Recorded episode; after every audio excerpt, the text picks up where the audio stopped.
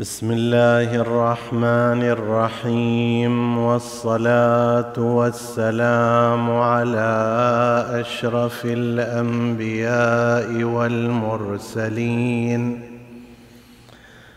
وحبيب إله العالمين أبي القاسم محمد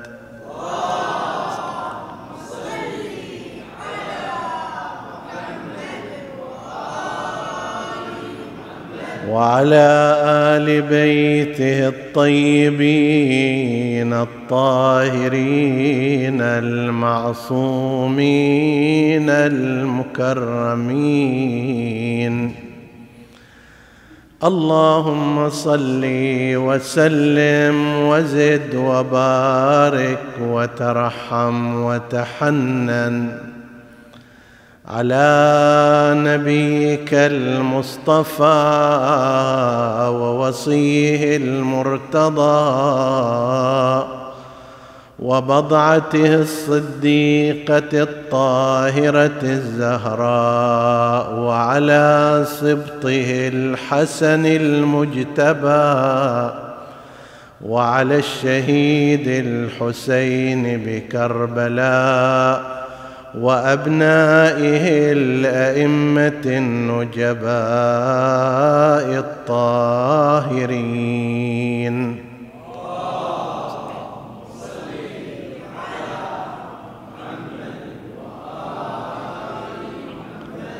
اللهم صل على محمد وآل محمد.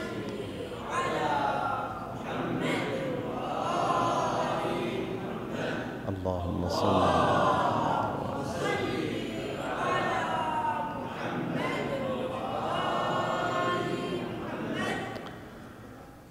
نهنئ مولانا رسول الله صلى الله عليه وآله والعترة الهادية بذكرى ميلاد السبط الأول والإمام الثاني والمعصوم الرابع من المعصومين الأربعة عشر. ونسأل الله سبحانه وتعالى الذي أكرمنا بمعرفته في هذه الدنيا أن يتحفنا بشفاعته في الآخرة وأن يرزقنا مرافقته ومرافقة العترة الطاهرة إنه على كل شيء قدير. حديثنا هذه الليلة يتناول شيئا من تفسير الإمام الحسن المجتبى عليه السلام للقرآن الكريم ليجمع هذا الحديث بين المناسبتين.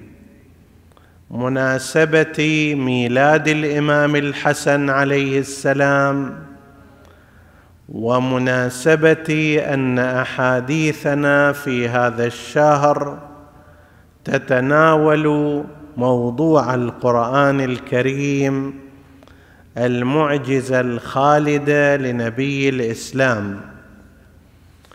ينبغي أن نشير إلى أن مثل هذا الموضوع قلما يطرح ويذكر وذلك لأنه في الغالب يركز المتحدثون واحيانا الكتاب على الدور البارز والعنوان الظاهر للمعصوم في حياته. حتى لقد تشكلت صورة حتى لقد تشكلت صورة خاصة عن كل معصوم في أذهان الناس. فمثلا عندما يذكر الإمام الصادق يتبادر إلى الذهن قضية العلم والفقه والأحاديث وما شابه ذلك دون سائر كمالات الإمام الصادق عليه السلام. وعندما يذكر الإمام الكاظم مثلا يتبادر إلى الذهن صورة الصبر والسجن والأذى وما شابه ذلك وكظم الغيظ دون سائر كمالاته. وهكذا عندما يتحدث عن الإمام الحسين عليه السلام تأتي إلى الذهن صورة المقاومة ورفض الظلم وإباء الضيم دون سائر الصور والكمالات. وعلى هذا المعدل فإن الصورة التي هي في أذهان كثير من الناس عن الإمام الحسن المجتبى هي صورة الكرم والحلم والمصالحة وأمثال ذلك. وكل هذه الصور لا ريب أنها من كمالات المعصوم لكنها ليست كل كمالات المعصوم.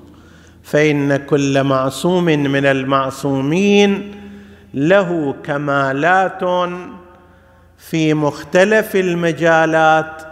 غاية الأمر أن الإمام ينظر إلى الواقع وعلى أساس ذلك الواقع يتحرك. فإذا رأى في الأمة مثلا مشكلة أخلاقية وبعدا عن الله عز وجل ركز عليه في صورة الدعاء وما يرتبط به. وإذا رأى أن المشكلة الأعظم هي مشكلة سياسية وأن الإسلام مهدد ينهض كما نهض الحسين عليه السلام. وإذا رأى حاجة الأمة إلى النشر العلمي والثقافي حدث وبلغ علم رسول الله صلى الله عليه وآله من دون أن يخلو وتخلو حياته من سائر الكمالات والصفات. قد يكون لهذا السبب قليلا ما يتناول الجانب العلمي في حياة الإمام الحسن المجتبى عليه السلام. تفسير القرآن كما يراه الإمام الحسن عليه السلام سوف نتعرض هذه الليلة إلى بعض الجوانب في هذا الموضوع بعد الصلاة على محمد وآل محمد.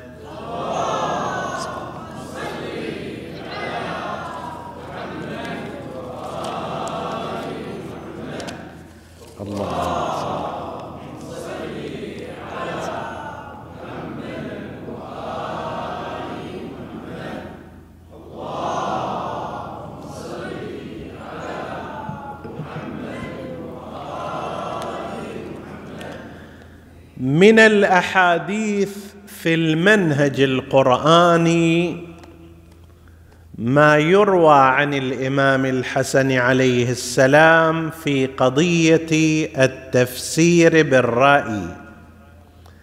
فقد نقل عنه من قال في القرآن برأيه فأصاب فقد أخطأ. وهذه من الكلمات العجيبة. لو أن إنسانا جاء وفسر القرآن برأيه تحدثنا في ليلة مضت عن أن التفسير بالرأي مذموم ومنهي عنه بخلاف التدبر في القرآن الذي هو مطلوب ومرغوب. وبينا الفرق بينهما. لو أن إنسانا جاء وفسر القرآن برأيه وصادف أن ذلك التفسير بالرأي هو الحق وهو الصحيح الإمام الحسن عليه السلام في هذا الحديث كما روي عنه يقول هذا أيضا أخطأ. من قال في القرآن برأيه فأصاب ما أخطأ فأصاب فقد أخطأ. ليش؟ الإمام عليه السلام هنا يريد أن يضرب منهجا خاطئا أن يحذف منهجا خاطئا. القرآن الكريم لا ينبغي أن يسلك له بمنهج خاطئ حتى وإن صادف في بعض الأحيان الإصابة. المطلوب في القرآن الكريم أن يتم السلوك إليه بمنهج صحيح. لا يقوم على أساس احتمال أن يصيب الإنسان. لعله يصل إلى الحق. لا هذا غير مطلوب.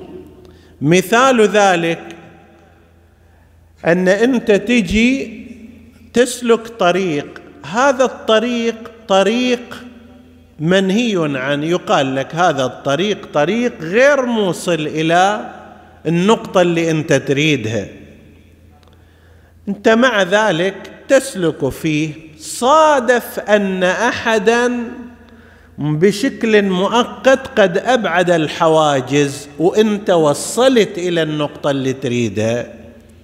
هنا يقال لك لا تستخدم هذا المنهج وهذا الطريق في القرآن الكريم لأنه لو استعمله الإنسان صدفة أصاب سيطمع أن يستعمله مرة أخرى وثالثة ورابعة والقرآن لا يتحمل أن يسار إليه بمنهج خاطئ.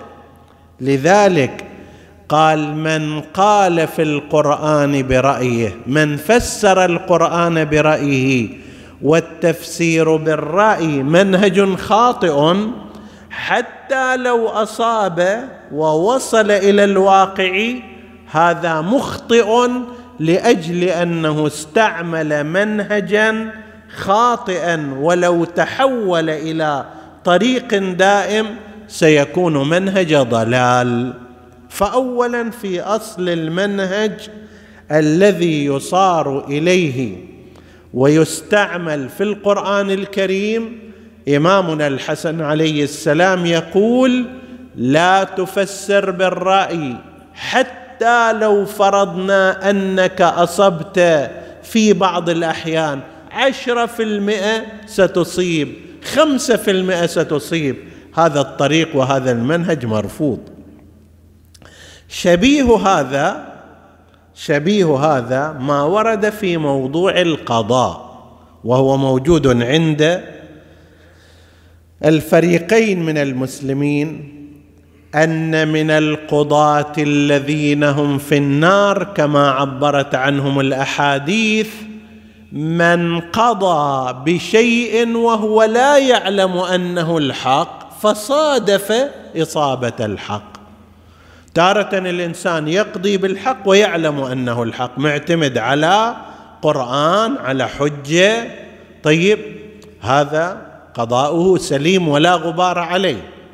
شخص يقضي بالباطل وهو يعلم أن هذا باطل. هذا في النار ومخطئ. واحد آخر لا يعلم أن هذا حق. قال يلا خلنا نشوف الموضوع شلون يصير. حكم بحكم فيما بعد تبين أن هذا الحكم مصادف إلى الواقع. هذا أيضا يقول الحديث الموجود عند الطرفين هذا قاض خاطئ في النار. ليش؟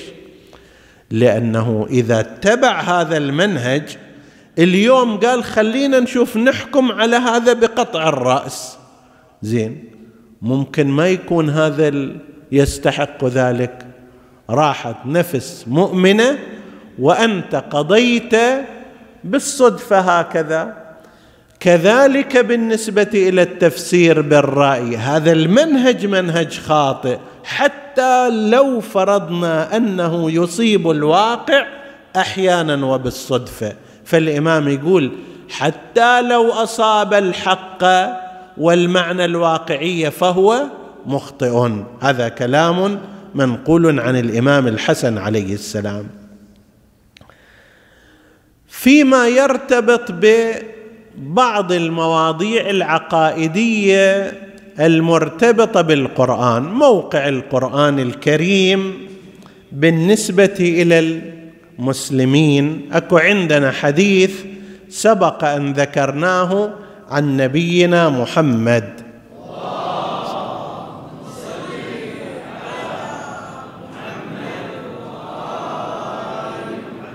شبيه به أورده الإمام الحسن عليه السلام. الحديث عن النبي فإذا التبست عليكم الفتن كقطع الليل المظلم فعليكم بالقرآن فإنه شافع مشفع وماحل مصدق. من جعله أمامه قاده إلى الجنة ومن جعله خلفه ساقه إلى النار. نفس هذا المعنى بصياغة أخرى وبشرح أكثر يقوله الإمام الحسن عليه السلام يقول إن هذا القرآن يجيء يوم القيامة قائدا وسائقا. ذكرنا في وقتها الفرق بين يقوده إلى الجنة ويسوقه إلى النار. نفس المعنى نا حيث أن المنبع واحد. هذا لسان رسول الله صلى الله عليه وآله. يجيء يوم القيامة قائدا وسائقا. يقود قوما إلى الجنة. أحلوا حلاله وحرموا حرامه وآمنوا بمتشابهه. المتشابهات ما يشكك فيها وإنما يؤمن بها كما نزلت. الحلال يتعامل معه على أنه حلال والحرام يجتنبه فهذا القرآن يجيء معه قائدا. ويسوق قوما إلى النار ضيعوا حدوده وأحكامه واستحلوا محارمه. وهذا نفس الكلام الذي قاله رسول الله صلى الله عليه واله في تعيين منزله القران ومكانه فيما يرتبط باعداء أهل البيت وش موقعهم ولماذا صاروا هكذا ينقل ابن شهراشوب في كتابه مناقب ال ابي طالب بسند إلى ابن عباس في قول الله عز وجل مخاطبا الشيطان وشاركهم في الأموال والأولاد. ينقل هذه الحادثة ابن عباس يقول جلس الحسن بن علي ويزيد بن معاوية ابن أبي سفيان. لعل هذا في السنوات التي جاء معاوية ومعه يزيد إلى المدينة قبل شهادة الإمام الحسن المجتبى أراد أن يعمل تسويق معاوية ليزيد.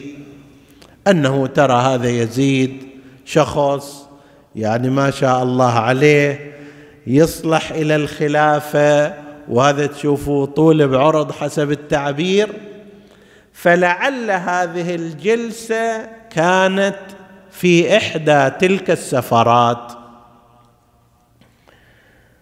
فقال يزيد يا حسن إني منذ كنت أبغضك. من يوم أنا انخلقت أنا أبغضك. مو شيء لأنه انت تنافسني مثلا في السلطان أو في الشخصية أو كذا. هذه انت تتأمل في أن واحد يجلس مع شخص أول ما يواجهه بمثل هذا الكلام وهذا مثل الحسن بن علي سبط النبي صلى الله عليه وآله وهو من هو؟ علما وحلما وتقا وشخصيه ويزيد ذاك الوقت يفترض أنه في العشرينات لأنه هلك على أبواب الثلاثينات يعني 32 33 سنة. فقال له إني منذ كنت أبغضك من انخلقت وأنا أبغض لك. فقال الحسن عليه السلام اعلم يا يزيد أن إبليس شارك أباك في جماعة فاختلط الماءان فأورث ذلك فاورثك ذلك عداوتي. هذا طبيعي. ليش؟ لأنك شرك شيطان. فليس من الطبيعي أن الشيطان يحبني فإذا أنت جزء منك هكذا السبب هو هذا مثل ما أن جدك قد شاركه الشيطان فأنجب أباك يعني أباك الأكبر وعادى رسول الله صلى الله عليه وآله نفس الكلام. هذا يجيبون في قضية مشاركة الشيطان للأب في ولده. وهذا ترى المعنى موجود في الفريقين. غاية الأمر مثل هالرواية موجودة في مصادر الإمامية لكن في غيرها من الروايات مثل ما ورد عن رسول الله صلى الله عليه وآله إن الله يبغض الفاحش المتفحش الذي لا يبالي ما قال ولا ما قيل فيه فإنه شرك شيطان. أكو قسم من الناس حاشا من يسمع هذا إنسان بذيء اللسان وسخ الكلام فاحش متفحش يواجه الناس بمثل هذا. أول ما يقابل واحد أنه أنا منذ أن خلقت أبغضك. ماكل مال أبوك أنا مثلا. ماخذ ميراثك.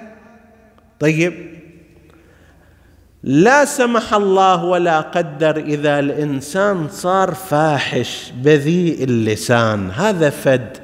مرض من الأمراض المدمرة للإنسان. يأثر عليه في العمل يأثر عليه في الأسرة يأثر عليه في المجتمع. أكو قسم من الناس هكذا لا سمح الله.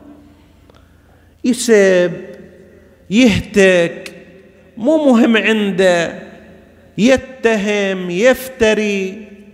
طيب وفوق هذا أيضا ما يهمه هذا الشيء.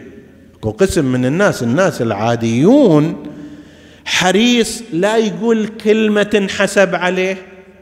حريص لا يتصرف تصرف بعدين يعرف عنه. من قبل الناس. هذا ابدا لا يبالي ما قال ولا يبالي ما قيل فيه. جلد تمساح ما يأثر فيه شيء.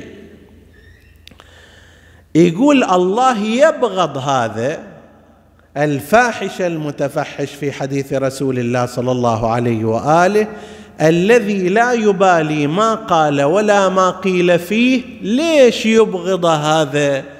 وش اللي خلاه بهالطريقة هذه؟ واحد من الأسباب فإنه شرك شيطان. شرك شيطان شلون صار؟ هذا يحتاج إلى بحث خاص. الإمام الحسن عليه السلام طبق هذه الآية المباركة وشاركهم في الأموال والأولاد على يزيد بن معاوية والذي عمله يزيد في حياته لا يعدو عن هذا. لا يعدو عن هذا. طبعا هذا ما يسلب مسؤولية الإنسان أنه ما دام الشيطان قد شارك أباه فيه اذا لازم يطلع هكذا. لا هو مسؤول ومعاقب. هذا فيما يرتبط بأعداء أهل البيت عليهم السلام. في تفسير الآية المباركة إن الله وملائكته يصلون على النبي يا أيها الذين آمنوا صلوا عليه وسلموا تسليما.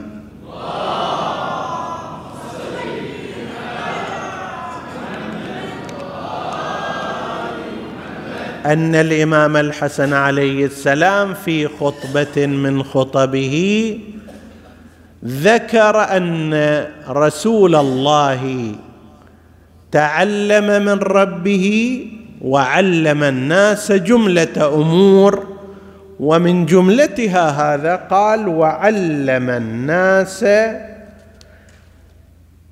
وعلم رسول الله الناس الصلوات فقال قولوا اللهم صل على محمد وآل محمد كما صليت على إبراهيم وآل إبراهيم إنك حميد مجيد فحقنا على كل مسلم أن يصلي علينا مع الصلاة فريضة واجبة من الله, الله.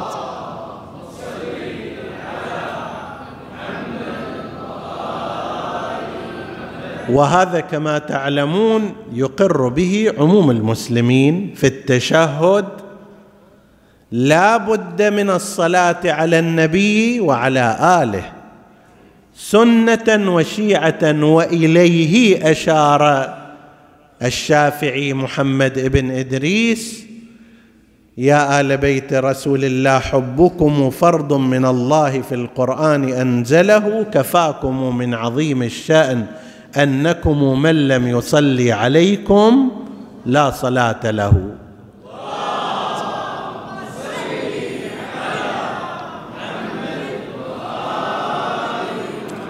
هذا فيما يرتبط بقضية ولاية أهل البيت وعداوة عدوهم وأيضا المودة في القربى. قال الله تعالى قل لا أسألكم عليه اجرا إلا المودة في القربى ومن يقترف حسنة نزد له فيها حسنا. الإمام الحسن عليه السلام قال الحسنة حبنا ومودتنا أهل البيت. حبنا ومودتنا أهل البيت. صلوات الله وسلامه عليهم. فيما يرتبط بذكر بعض الآثار للسور والآيات أكثر الإمام الحسن المجتبى من التأكيد على تكرار سورة القدر. إنا أنزلناه في ليلة القدر فقد جاءه رجل وشكى إليه ضيق الحال فأمره بالاستغفار وبقراءة سورة إنا أنزلناه ما استطاع إلى ذلك سبيلا. أيضا الآيات الأخيرة من سورة الحشر اللي هي في كثير من الآثار من آيات الحفظ من آيات الحراسه في آخر سورة الحشر لو أنزلنا هذا القرآن على جبل لرأيته خاشعا متصدعا من خشية الله وتلك الأمثال نضربها للناس لعلهم يتفكرون. الآيات اللي بعدها الثلاث هو الله الذي لا إله إلا هو عالم الغيب والشهادة هو الرحمن الرحيم هو الله الذي لا إله إلا هو الملك القدوس السلام المؤمن المهيمن العزيز الجبار المتكبر. سبحان سبحان الله عما يشركون هو الله الخالق البارئ المصور له الأسماء الحسنى يسبح له ما في السماوات والأرض وهو العزيز الحكيم. ورد في ذيلها عن الإمام الحسن المجتبى عليه السلام أنه قال من قرأ ثلاث آيات من آخر سورة الحشر اللي هي هاي الآيات الثلاث إذا أصبح فمات. الله يطول عمركم جميعا في خير وعافية إن شاء الله وسعة رزق. بس لو صادف ذلك فمات من يومه ذلك طبع بطابع الشهداء. وإن قرأ إذا أمسى فمات في ليلته طبع بطابع الشهداء. هذا مما ذكر في فضائل السور والآيات. لا نزال في موضوع العقائد من خلال تفسير القرآن الكريم على يد الإمام الحسن المجتبى عليه السلام. الآية المباركة وشاهد ومشهود. في الرواية أن رجلا دخل إلى المسجد مسجد رسول الله صلى الله عليه وآله فوجد حلقا كل كل حلقة فيها متحدث فأقبل على أول حلقة فسأل من كان فيها المدرس قال له قول الله عز وجل وشاهد ومشهود من يعني وماذا يعني؟ فقال أما الشاهد فهو يوم الجمعة وأما المشهود فهو يوم عرفة. هذا الجواب من الحلقة الأولى. يقول فجزته رحت إلى الحلقة الثانية سألته نفس السؤال هذا المتصدي للحديث والتدريس وشاهد ومشهود ماذا يقصد بذلك؟ فقال أما الشاهد فيوم الجمعة وأما المشهود فيوم النحر يوم العيد من ذي الحجة. فجزته وذهبت إلى رجل أو غلام كأن وجهه الدينار. يعني دينار الذهب شلون صفاء وجمال كذلك. وهو يحدث عن رسول الله فقلت أخبرني عن وشاهد ومشهود ماذا يقصد؟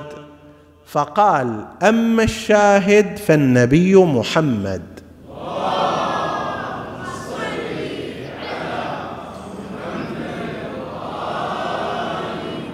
أما قرأت قول الله عز وجل يا أيها النبي إنا أرسلناك شاهدا ومبشرا ونذيرا فالقرآن وصفه بماذا؟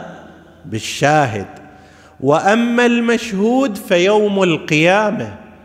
أما قرأت قول الله عز وجل ذلك يوم مجموع له الناس وذلك يوم مشهود. فسألت عن الأول قيل ابن عباس أول حلقة ابن عباس. ابن عباس عالم كبير ولكن أين هو من الإمام الحسن عليه السلام؟ وسألت عن الحلقة الثانية من فيها؟ قالوا عبد الله بن عمر. وسألت عن الحلقة الثالثة فقيل إن فيها الحسن بن علي بن أبي طالب ابن فاطمة بنت محمد.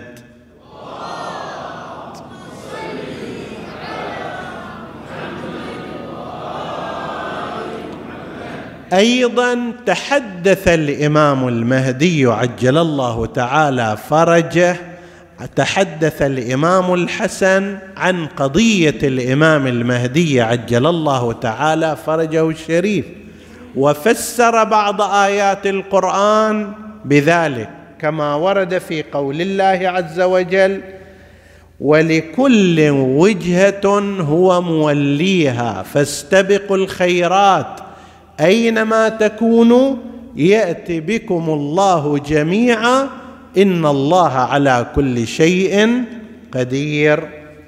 فقال الإمام الحسن عليه السلام يجتمع إليه يعني إلى القائم من أصحابه عدة أهل بدر ثلاثمائة وثلاثة عشر.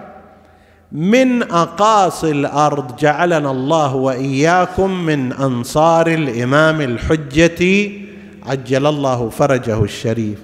ملاحظة هنا قضية الإمام المهدي بتفاصيلها قبل قرنين ونصف من الزمان وأكثر تحدث عنها المعصومون.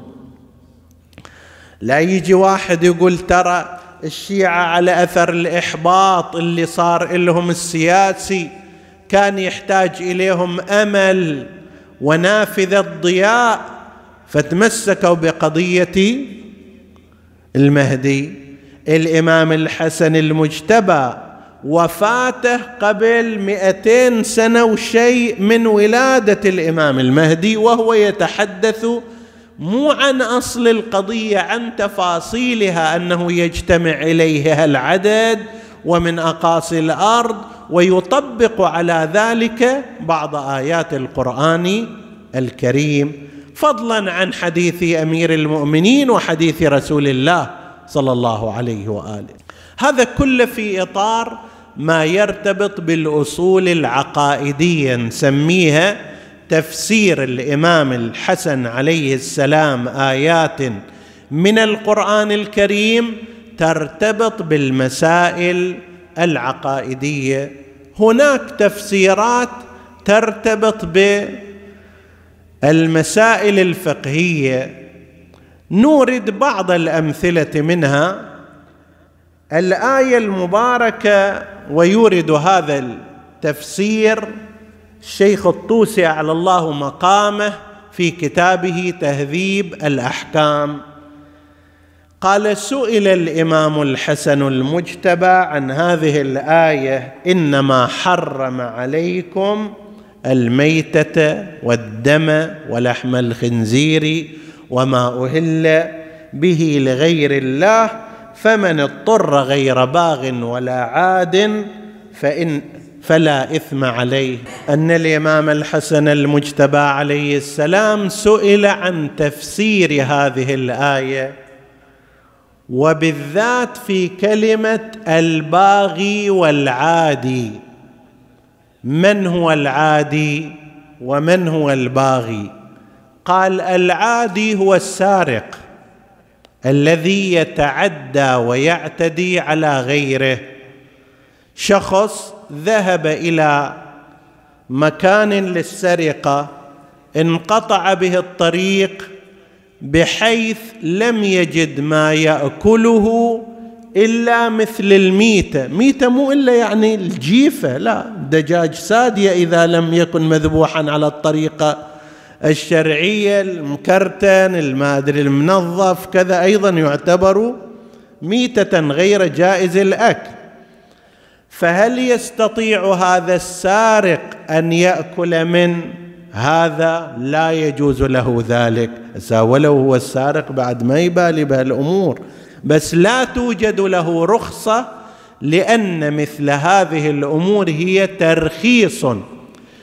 السفر العادي هدية من الله عز وجل إلى المسافر تخفيف عليه في الصيام والتخفيف عليه في الصلاة بالقصر والإفطار. إلا إذا كان سفر معصية سفر عدوان سفر سرقة وأمثال ذلك. وأيضا في مثل الاضطرار إلى المحرم اضطر لأكل الميته إذا لم يكن عاديا لم يكن سارقا يستطيع أن يأكل بمقدار ما يمسك نفسه ولا يتلف. ولا يكون آنئذ قد ارتكب حراما فمن اضطر فلا إثم عليه إلا أن يكون عاديا أو باغيا. فهذا الإنسان السارق لا مجال له. والآخر الباغي. الباغي في هذه الرواية لها تفسير في روايات أخر إليها تفسير آخر وكلاهما صحيح. في بعض الروايات الأخر الباغي يتجه بالمنحى السياسي إن صح التعبير الخارج على الإمام الحق. إنسان قام ببغي وجور ونهضة ضد الإمام الشرعي. هذا من البغاة.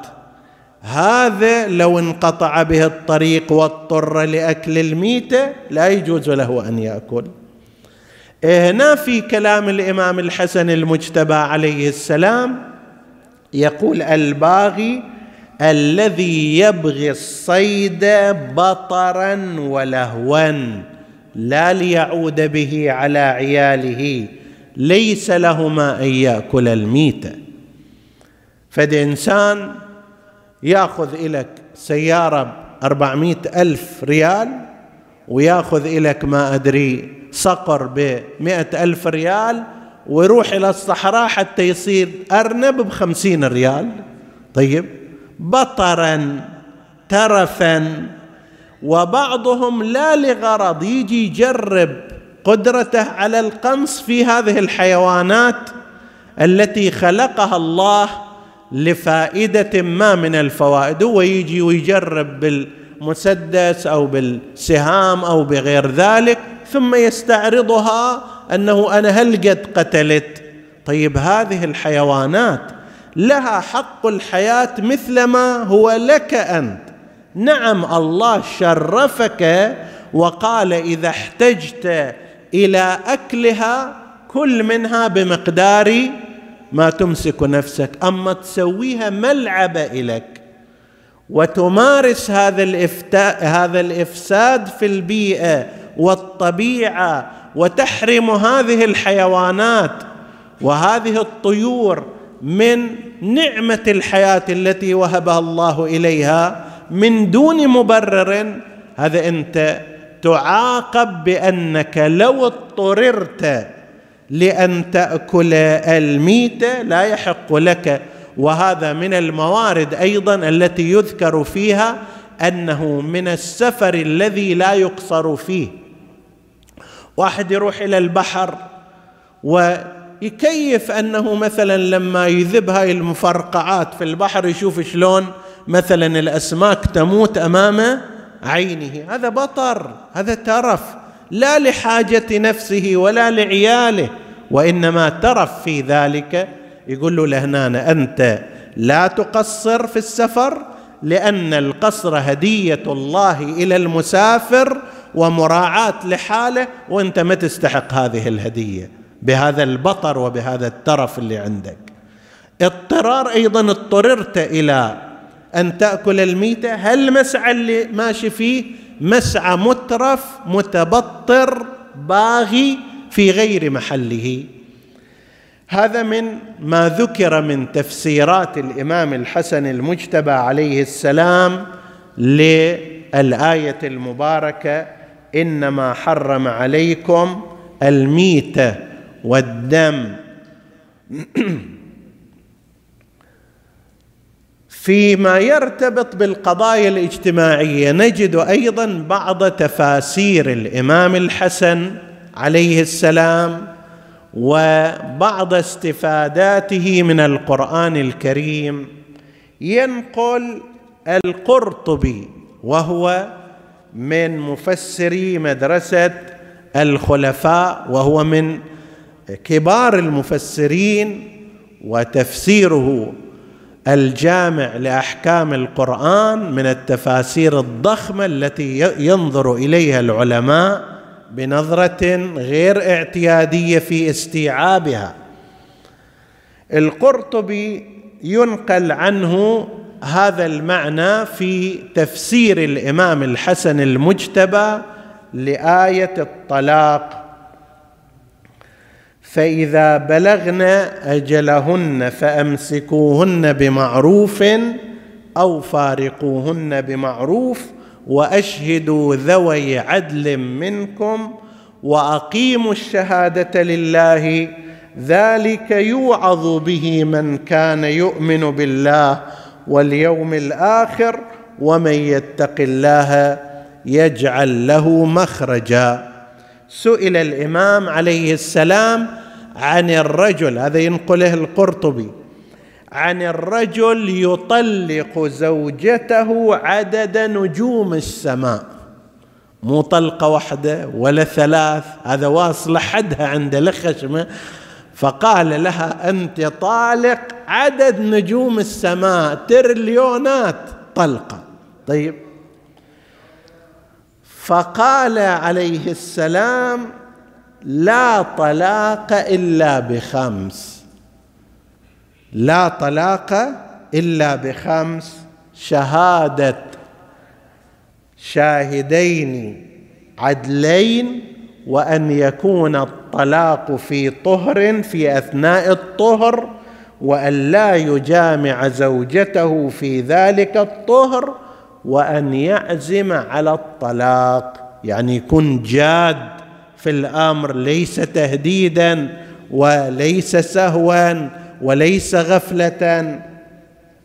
فإذا تحقق ذلك فقد وقع الطلاق ولو بنجمة واحدة. ما يحتاج عدد نجوم السماء. عندنا الفتوى وعند أيضا بعض المذاهب أنه من قال مثلا أنت طالق ثلاثا لا يقع بالثلاث قطعا.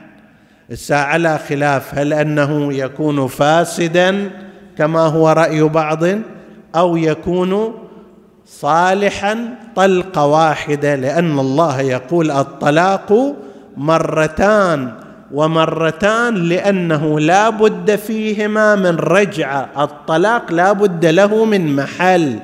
عندما يقول أنت طالق أنت طالق أنت طالق هذه الثانية والثالثة لا معنى لها أصلا. ليش؟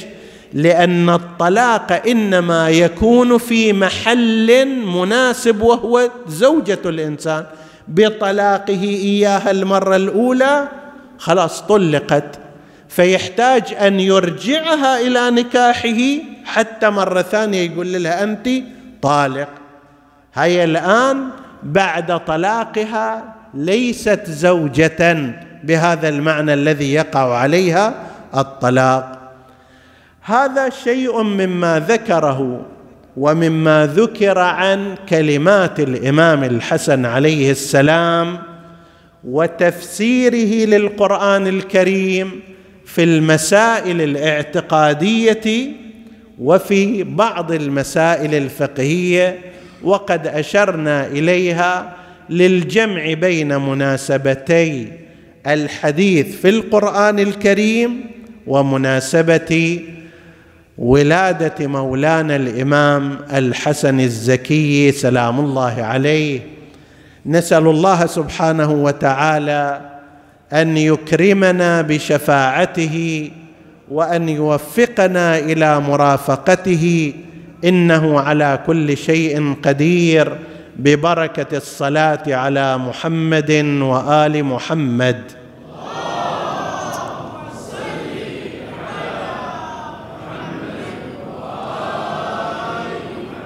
يا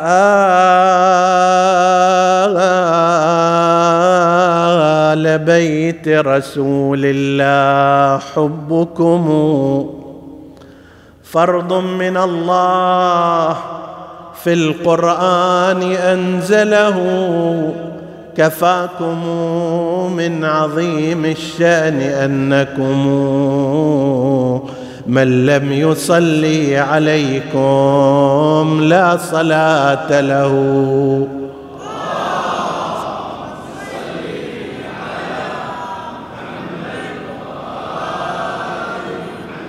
فاق النبيين فاق النبيين في خلق وفي خلق ولم يدانوا في علم ولا كرم وكلهم من رسول الله ملتمسون. غرفا من البحر أو رشفا من الديم.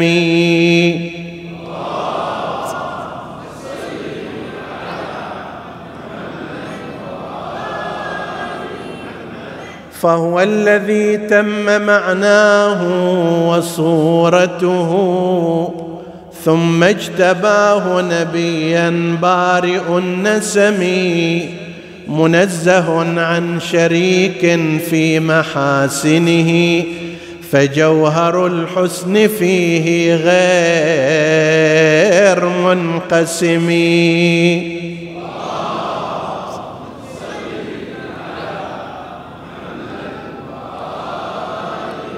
وأما أمير المؤمنين منايح الله عندي جاوزت أملي.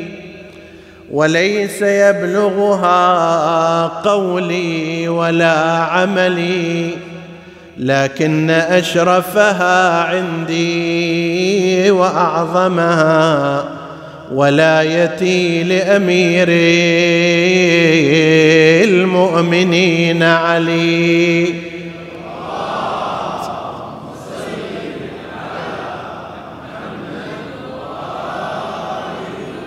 وأما الحسن المجتبى للزكي بن فاطم سبط طه مكرمات أعيا الورى إحصاها. فلتقصر عن مدحه شعراها. حسن سبط أحمد مجتباها. قد حوى كل ما حوت أنبياها.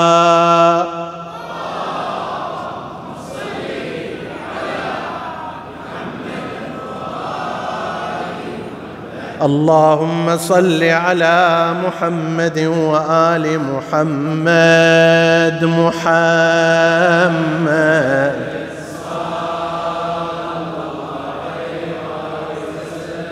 اللهم صل على محمد وآل محمد البشير النذير والسراج المنير والطهر الطاهر والعلم الزاهر. قال أرباب الأثر لما أن أراد الله سبحانه وتعالى إظهار نور سبط رسول الله.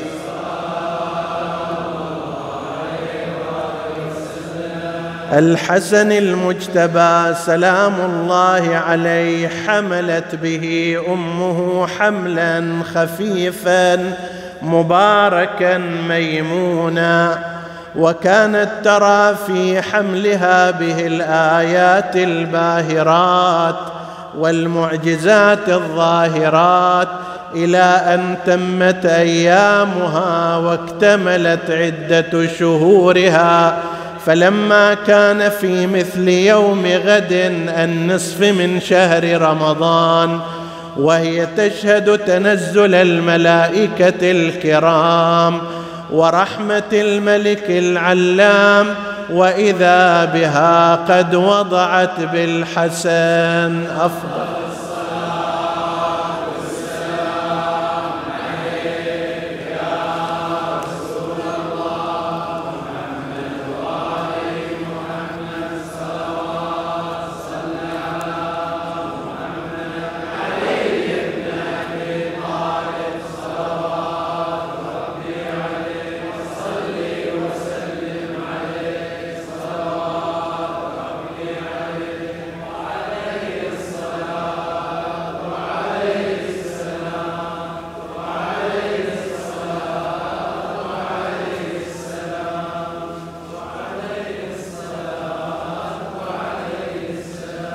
اللهم صل على محمد وآل محمد.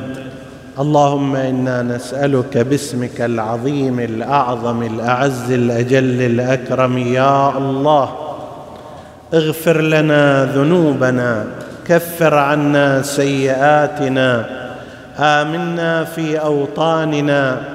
لا تفرق بيننا وبين محمد وآله طرفة عين. احفظ اللهم إخواني, إخواني الحاضرين فردا فردا واقض حوائجهم.